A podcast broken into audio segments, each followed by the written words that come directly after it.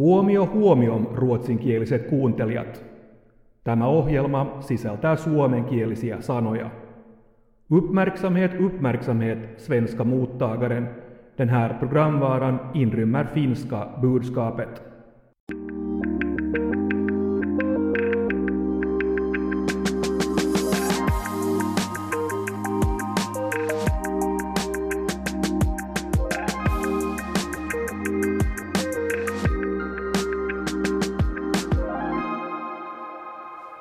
Dags för näst sista ordet igen med mig Jens Berg och språkexperten Jenny Sylvin. Hej. Jenny, har du någon favorit bland alla tokiga och roliga översättningar som har gjorts mellan finska och svenska? No, en, en av dem som jag har sett som just har liksom cirkulerat på nätet var hur aluskerrasto, eller koko perheen aluskerrasto översattes till undergång för hela familjen. det är förskräckligt. Och ena sidan, alltså det handlar om underställ, mm. alltså underkläder, varma underkläder. Och, och, jag kan ju förstå det, för det här underställ, inte det är ju liksom det riktigt vanligaste ordet. Och sen tänker jag samtidigt just det här kerrasto, kerta, en ker, kerta är ju en gång. Liksom, så jag kan på något sätt förstå hur logiken har gått, men, men nu blev det istället väldigt makabert. Ja, visst blev det. Jag, jag vet inte om jag, kan, om jag kan säga det här eller läsa det här. Jag, jag brukar braka varje gång jag gör det, men jag ska, jag ska försöka. För jag, eh, jag, ska, jag ska kontra här med, med, med min favorit. Och jag dyker samtidigt in i, i mängden av publikkommentarer vi har fått igen här. Tusen, tusen tack via, via svenska.yla.fi. För, för bland de här kommentarerna så finns min favorit och den har varit en favorit i ganska många många år nu och det är signaturen Skrattade så tårarna rann som skriver det här. Ska jag skärpa mig? När svenska sångerskan Linda Bengtzing gästade allsångsprogrammet Fångad av en sång frågade Benny Törnros vem som är hennes förebild. Hon svarade Lena PH, alltså Lena Philipsson. Det översattes till pehmeät rintsikkat. alltså, äh, måste vara förvirrande för den finska publiken och det kan alltså bli fel när man översätter från svenska till, till finland. Någon skulle ha en, en rintsikkat, alltså en mjuk bh som sin förebild. Det, det, är ju absurt. Det är lite i samma, samma kategori som undergång för, för hela familjen. Men det visar just att hur mycket just kulturella referenser, hur mycket man måste ha kännedom om, om schlagervärlden till exempel för att på ett bra sätt kunna, jag menar, då måste du lista ut att hmm, Lena BH då, om det är det man hör, eller Lena PH då, att det är liksom en person som man på något sätt måste googla. Ja, och snabbt ska det ju gå dessutom också som i det här fallet om det bandas, bandas ett program och det ska, det ska sen vara en finsk översättning bums på det. Så, att, så det må vara förlåtet. Lite roligt. Jag, jag plockar ännu här bland några roliga och oförargliga exempel som vi har fått in här. Och, och det här kommer då från amatörligan när det gäller översättningar. Carola skriver, på förpackningar har jag hittat roliga felöversättningar. Här är ett exempel. Tomma malaisleipä, dunkelt lantbröd.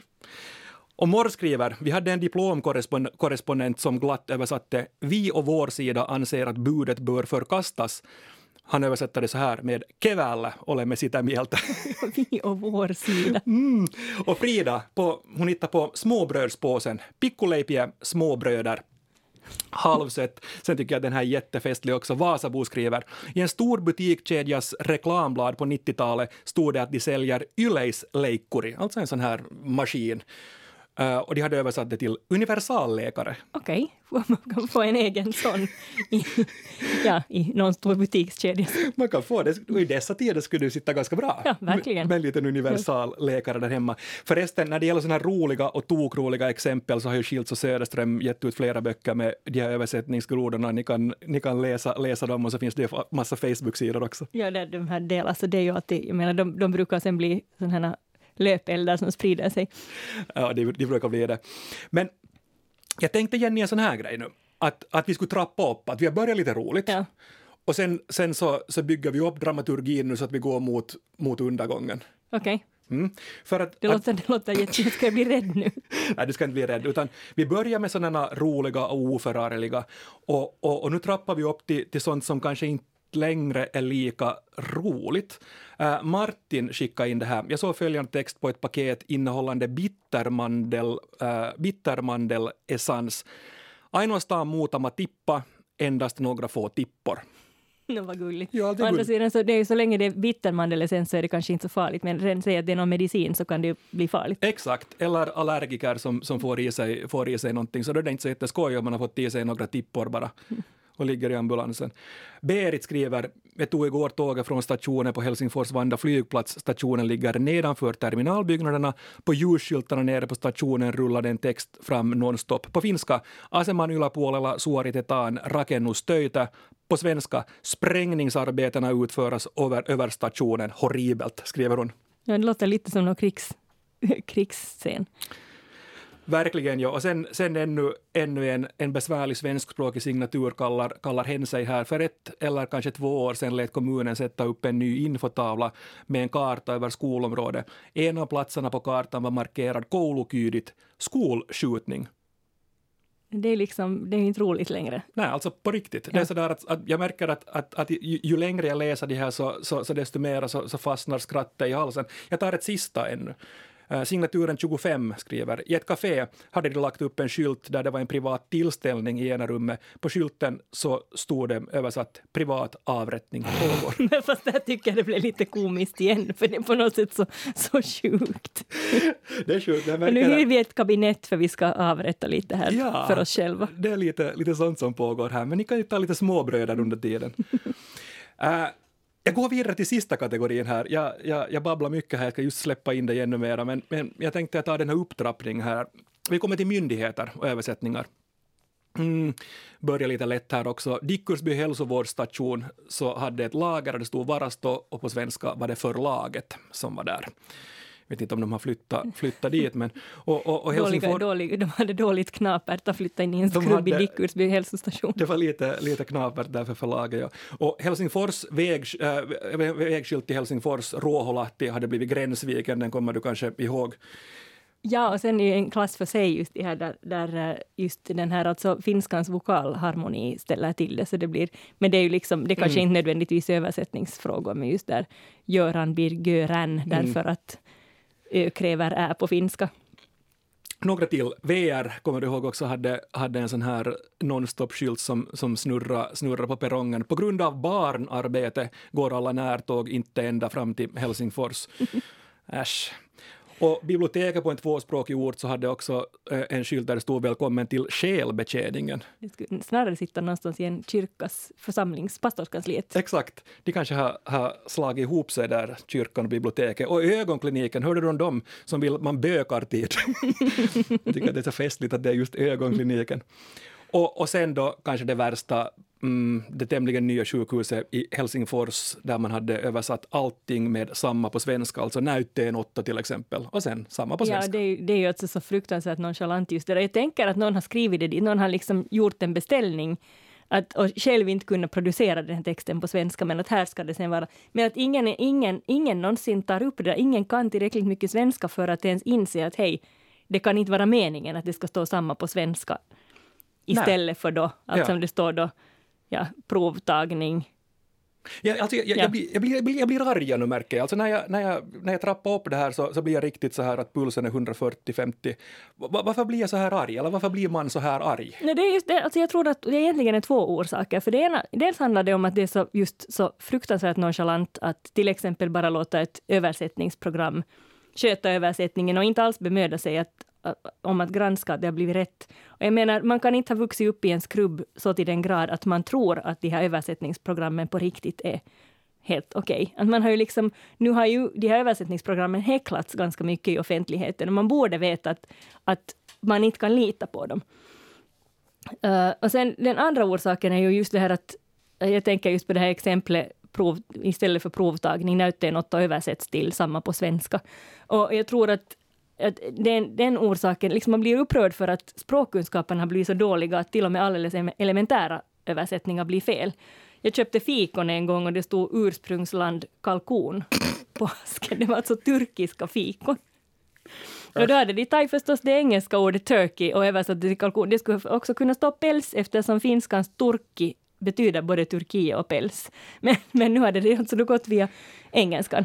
Men tänker jag, alltså, och det är på sätt och vis begripligt. Jag tycker samtidigt att Google Translate till exempel, så det har blivit ganska bra. Att jag till exempel, jag skulle en gång översätta en, en text till engelska. Och jag körde den via översättningsprogram, men jag tror att det funkar bäst om man just om ett av språken är engelska, för det är ett så pass stort språk och väldigt utvecklat. Och jag insåg att den här texten var helt användbar, men den behövde ju språkgranskas. Men alltså termerna översättas och de översattes korrekt. Och sen skulle jag bara se till att det blev vettig svenska av det. Så att nu skulle jag säga att de sparar en hel del tid. Men då är jag ju också språkexpert, att man kan ju inte liksom sätta dem i händerna på vem som helst och sen tro att det är användbart som det går att stå. Vi ska nu här också ta in ett riktigt översättningsproffs och höra vad han säger sådär generellt om läget när det gäller översättningar i landet. Så här svarar den erfarne och erkände översättaren Rune Skogberg på den frågan. Jag är av den åsikten att vi har väldigt bra översättare i det här landet. Och det är klart misstag händer, men mycket av det som översätts är ju, är ju väldigt bra. Eh, men misstag händer och det finns eh, en enorm brådska i det här jobbet tidspress. Så att, ja, det gör att det kanske inte alla gånger blir så bra. Och, och många gånger går faktiskt kvantitet framför kvalitet. Så eventuellt så att, att, att om man ska peka finger åt någon så är det åt den myndigheten som inte har mm, anslagit tillräckligt med resurser. Precis, resurser och, och det inkluderar också tid. Men, men finns det någon risk att inte bara göra sig lustig, för det är väl okej, men att vara väldigt irriterad på felöversättningar. Finns det liksom det här berömda som min mamma skulle kalla det finlandssvenska marrandet? Ja, det finns nog någonting i det där du säger. För att eh, som jag redan sa så, så mm, ingen översättning alls är ju betydligt sämre än en dålig översättning tycker jag själv. Eh, men det är klart att man ska kunna kräva, eh, i synnerhet just eh, myndighetstexter och eh, motsvarande, så, så ska ju nog fylla en viss kvalitet. Hur garanterar vi den kvaliteten? Är det genom att använda rätt människor? Ja, man ska inte använda de riktigt billigaste utan uh, garvade, erfarna översättare som, som har sysslat med det här hur länge som helst.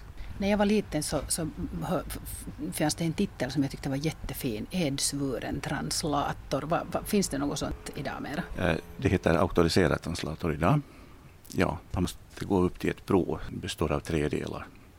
Och eh, har man klarat det så då har man rätt att använda den här titeln och, och stämpla översättningar så att de blir laggilla.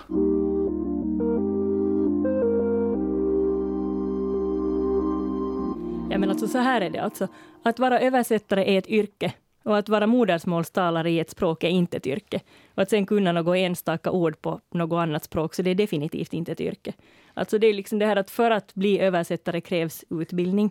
Det räcker inte att man är jättebra på något språk, utan man ska vara förtrogen med kulturella referenser, till exempel just det här Lena PH-exemplet från början av programmet, just om man översätter skönlitteratur eller film. Man måste liksom snappa upp och alltid inse att vad som helst kan egentligen vara ett namn som inte bara kan översättas rakt av. Sen måste man veta hur samhällen fungerar i de länder det här eh, språket man översätter till eller från talas. Och sen måste man veta, också känna till alltså skillnader mellan de språk man översätter mellan. I finskans och svenskans fall måste man till exempel ha kunskap om hur, hur svenskans och finskans grammatik skiljer sig från varandra. Det kallas kontrastiv grammatik. Kontrastiv. Mm. No, det här handlar mm. till exempel om att finskan har ett hen och då måste man veta på svenska ska det översättas till hon, han eller hen. Eller till exempel då när finsk, finskan som saknar bestämd och obestämd form, när man ska använda vilket på svenska och så vidare. Men jag håller med dig. Alltså jag, håller, jag håller med det som, som Rune Skogberg sa, det var förresten Martin Harmsalto som hade talat, talat med, med honom där. Jag håller med det du säger, säger Jenny här, men, men varför blir det trots allt då så många otroligt obegripliga och eländiga översättningsmissar, de som vi var inne på här tidigare? Därför att till exempel företag inte har tid och råd att låta proffs sköta översättningen. Och det kan vara svårt att veta vem som egentligen är ett proffs. Jag har översatt en hel del och jag anser mig vara ganska bra, men jag har till exempel ingen översättarutbildning, utan jag har en, alltså en vanlig språk, språkvetarutbildning. Men sen å andra sidan, någonstans ska man börja och det här är också ett hantverk man lär sig genom att göra det. Och jag är ganska övertygad om att mina tidiga alster innehöll jättemycket mer finlandismer än jag skulle släppa igenom. Har du några smaskiga idag. exempel? Kan du avslöja någonting här? No, jag, vet, alltså, jag, när jag, var, jag blir ganska generad när jag funderar, tänker på en text jag översatte när jag var ung, där EU-kommissionär blev EU-kommissarie. För att det heter kommissarie på finska. Jag hoppas att någon Var språkgranskare... det Palmo? jag vet inte. Kommissarie Karlsson från Kalle Anka. Jag vet inte, men, men den dök upp i en av mina texter. Och kommissionär ska det alltså vara och, och inget annat. Men samtidigt är jag också jättetacksam över alla de som, de som lät mig pröva när jag var yngre. För det är absolut så jag har lärt mig det här hantverket. Men sen jätteofta så är det avdelningens finlandssvensk som förväntas översätta fast det inte alls hör till dens arbetsuppgifter och trots att den inte har någon utbildning som är lämplig för det här översättningsändamålet. Och Men kanske råkar bara finnas en Ja, ja, och, råkar in, och kanske inte nödvändigtvis har så stark språkkänsla heller. Och samtidigt är det så att, no, att antingen har du en översättning av den här personen eller så blir det i värsta fall ingen översättning alls. Och sen är det ibland då som sagt de här översättningsprogrammen som får jobbet. Men det finns alltså, vi har en jätteprofessionell översättarkår i Finland, så det är definitivt möjligt att få en alldeles utmärkt översättning av vad som helst, men det kostar. Mm. Är du beredd nu Jenny? Du, du var inne här på att, att du har översatt en del. och Ja, så du skröt jag och sa att jag är ganska bra. Ja, ja, jag tyckte att jag hörde någonting sånt. Rätt så bra, sa du. Uh, jag har plockat ut en uh, random text från Puolanka kommuns webbplats. Puolanka, en kommun i höjd med Uleåborg, ungefär lite in i, in i landet där, en 100 kilometer eller någonting sånt. Och och Puolanka kommun skriver på sin webbplats om ett utvecklingsprojekt de har på gång. Och, och du har fått förbereda dig lite, men inte jättemycket på det här översättningstesten. Jag kommer inte att läsa upp hela den här texten, men det handlar om ett utvecklingsprojekt. Och, och du har fått i uppdrag nu att, att göra en, en direktöversättning av den och sen en bra översättning. Och det är egentligen så jag jobbar. Att först gör jag en översättning där jag översätter liksom texten från finska till svenska. Men då ser den ganska styltig ut. Den är ganska avståndstagande. För det måste man också veta att finskan har ett större avstånd mellan texten och läsaren i allmänhet. Medan en svensk text i allmänhet är lite mer hejig, lite mer direkt i sin kommunikation. Så när man översätter en, finsk, en text från finska till svenska om man håller sig nära originalet låter den inte nödvändigtvis särskilt svensk. Så en, en råversion är en och sen kan man bearbeta den så den plötsligt låter lite mer idiomatisk och naturlig på svenska. Men, men, men kör, den här, kör den här råversionen, kör som det skulle kunna stå på, på en webbplats någonstans. Okej, ja. Som bakgrund finns både existerande företags vilja att söka ökning från den internationella turismmarknaden och nya företagare som vill investera i regionen. Det handlar alltså om turism. Det här var ett inskott som inte hör till texten. Till projektet har valts åtgärder som initialt har en kostnadseffektivare inverkan på tillväxt och internationaliseringsmålen och bidrar till en ökad know-how när det gäller internationell turism. Ja, visst. Ja, men alltså, det, det det här, när jag hör dig nu säga det här, så, så kan jag föreställa mig att det är så här det skulle kunna se ut. Ja, men den, är- där är för många ord. Där är ord som inte behöver vara där. Och framförallt är det ibland sånt som inte helt... Det, det skapar ett avstånd, det säger inte läsaren särskilt mycket. Och det jag brukar göra är att jag försöker hitta den konkretionen. Okej, nu, nu kommer det upp till bevis. Det här Okej. var alltså den första versionen, men nu kommer den här som, som översättaren Jenny Sylvien kanske skulle, skulle, skulle släppa ifrån sig och säga att nu är det fullbordat. Varsågod. Initiativtagare är både existerande företag som vill öka den internationella turismen och nya företagare som vill investera i regionen. Vi har valt att satsa på åtgärder som leder till mer kostnadseffektiv tillväxt och internationalisering och ökat kunnande när det gäller internationell turism.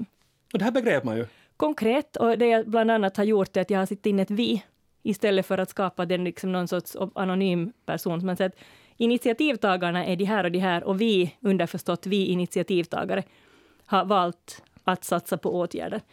Men det är intressant det här du säger också om, om de här kontexterna och, och skillnaden mellan finska och svenska, för den här kändes, den kändes närmare. Ja, och, det, och för att så här kommunicerar man på svenska. Det, det, är liksom, det är så här det låter, säg en text i Sverige. Men det som är också intressant att på, fin, att på finska, alltså Sverigefinska sidan, så där jobbar igen språkvårdarna med att skapa en distans. Alltså när man översätter en text från svenska till finska, så i Sverige blir de här texterna ofta lite för hejiga och lite för så här, men du. Medan, och det, och det, det är inte riktigt finskt, det blir liksom ofinska texter och där får språkvården jobba med att öka distansen. Fascinerande. Och samtidigt så innebär det här ju också en viss tolkning. Alltså nu har jag gjort en tolkning av den här texten när jag förenklar den. Och jag får då ta på mig den risken att, eventuellt ha, att jag eventuellt har missförstått någonting. Om jag känner avsändaren så kan jag kolla. Om jag säger så här kan ni fortfarande stå för det. Men annars tycker jag nästan att med risk för att någon nyans uppfattas fel så tycker jag ändå att det är värt det eftersom den här texten kommer närmare läsaren på det här sättet. Jag tänkte jag skulle testa att mejla den här till Puolanka kommun efter, efter sändningen. Är det okej? Okay? Absolut. Men sen säger jag också, för det första är ju Puolanka inte en tvåspråkig kommun, så de kanske inte är så jätteintresserade av att ha den här texten på svenska på sin webbplats eftersom de inte behöver ha den.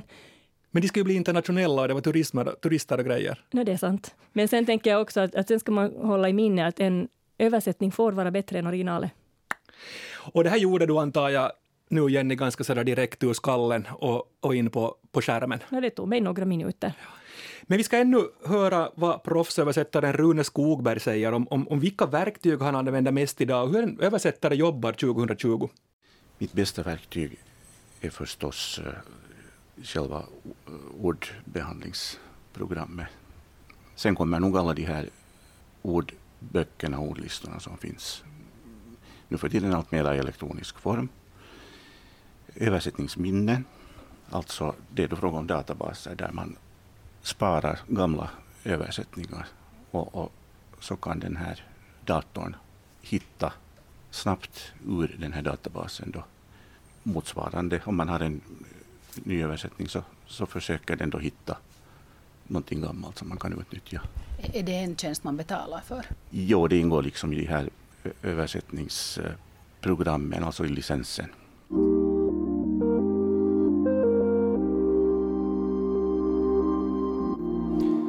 En översättare idag har alltså tillgång till någon form av program som kanske skulle kunna döpas om till Google Translate 5.0. Men sen är det ett proffs som jobbar med det och har ordböcker, en stor databas och, och massor av professionalism till. Ja, jag tycker nästan att det är lite respektlöst att, att kalla de här programmen som finns för någon sorts Google, för att det finns ändå en viss snabbhet och kanske brist på specialisering i Google, att det är nog helt andra företag som är gjorda av, av översättare för översättare med mycket språkkunnigt folk involverade. Jag sa det där med Google Translate för jag visste att du skulle bli lite småsur på mig. Det provocerar. Nej, det varit mycket tal om översättningar som har blivit tokiga från finska till svenska, men det, det händer och sker ju också andra vägen. Och, och det här är nu alltså då på tal om amatörgrejer och lite på tal om, om maskiner också. Jag vet inte Jenny om du följde med det här debaclet med när, när Korsnäs kommun, alltså Korsnäs då söder om, söder om Vasa, 40-50 kilometer söder om Vasa, så förnya sina webbsidor för några år sedan. Det var jättestor okunskap helt enkelt bakom hur, hur hela den här översättningsprocessen går till. Ja, det, det var festligt. Man, man använde då ett program som, som då med hjälp av Google, Google Translate så automatiskt skulle, skulle översätta de här svenska texterna som fanns till, till finska på, på, på den förnyade webbplatsen. Och, och man kan kanske säga att resultatet så blev inte riktigt det bästa. För bland annat så upplystes kommunmedborgarna när de gick in på de finska sidorna om att bibliotekets huvudentré är genom brevinkastet.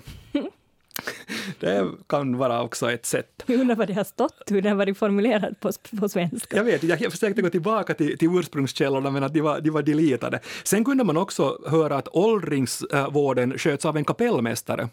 Ja, det, hoppas den har, jag menar så länge den har kunskaper i, i åldringsvård också så är det ju jättefint om det finns musik inblandat. Det tycker jag. Äh, och sen att daghemmet Kottebo har rum för 21-åriga barn och de får vara där i 3 till 5 år. Okej, okay, i sträck eller Ja, det, det, framkommer inte, men i 3 till 5 år får de, får de vara där. Men, men de är 21-åriga antar jag när de kommer, kommer in då, men sen är de betydligt äldre. Jag tycker det skulle vara mer praktiskt att parkera dem där när de är 13 och ta ut dem när de är 18. Det är en mer krävande ålder. och det sista man kunde, kunde höra om här också, att den, den, eh, eller läsa av att den skriftliga bilagan kan vara äh, biskopsvisitationen om det uppstår konflikter. Jag undrar just hur det här alltså överhuvudtaget har sett ut. Det väcker mycket frågor. Ja, de ska ha behövt definitivt lite hjälp av, av Rune där, eller sen av, av dig, Jenny, också. Uh, jag tänkte glida in lite på nästa vecka, om det är okej okay för dig. Jaha. Mm. Uh, för nästa vecka så ska vi tala om, om barn och språk och hur vi, hur vi lär oss språk.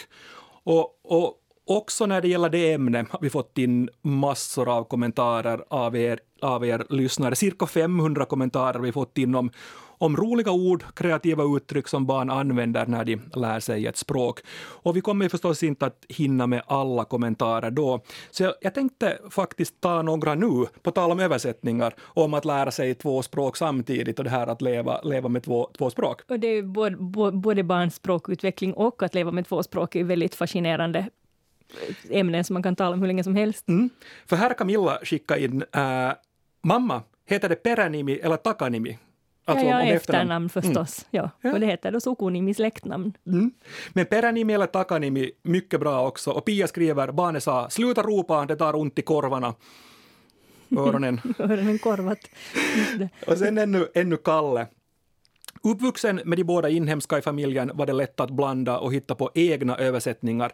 Jag förstod inte varför daghemspersonalen var så noga med att korrigera mig när jag kallade sinitarra för blådarra. Blådarran tror jag har uppkommit i många familjer på olika håll. Alltså sinitarra är produktnamnet för en, häft, en typ av häftmassa som jag vet kallas blådarra, så här slarvigt översatt till låtsassvenska i många familjer. Det slog mig en sån, sån sak här när jag läser om, om, om Peranimi och Takanimi och det, och det tar ont i korvarna och blådarra. Kanske vi har fått ett svar på frågan nu också, vem det riktigt är som sköter översättningarna, till exempel i våra stora matkedjor. Ja, små barn. Ja, det är de som, som gör det. Mysteriet är löst. Men framförallt så är det ju fascinerande hur ofta barns konstruktioner ändå blir rätt och det ska vi tala om mer nästa vecka. Exakt. Barns härliga, festliga, roliga konstruktioner och hur rätt det blir och hur roligt det blir. Det ska vi prata om nästa vecka. Och fortsätt gärna att skriva till oss här på näst sista ordet. Adressen är ju nastsista ordet, allt ihopskrivet i en enda korv, nastsista ordet at yle.fi. Men nu säger Jenny och Jens morgens! morgens.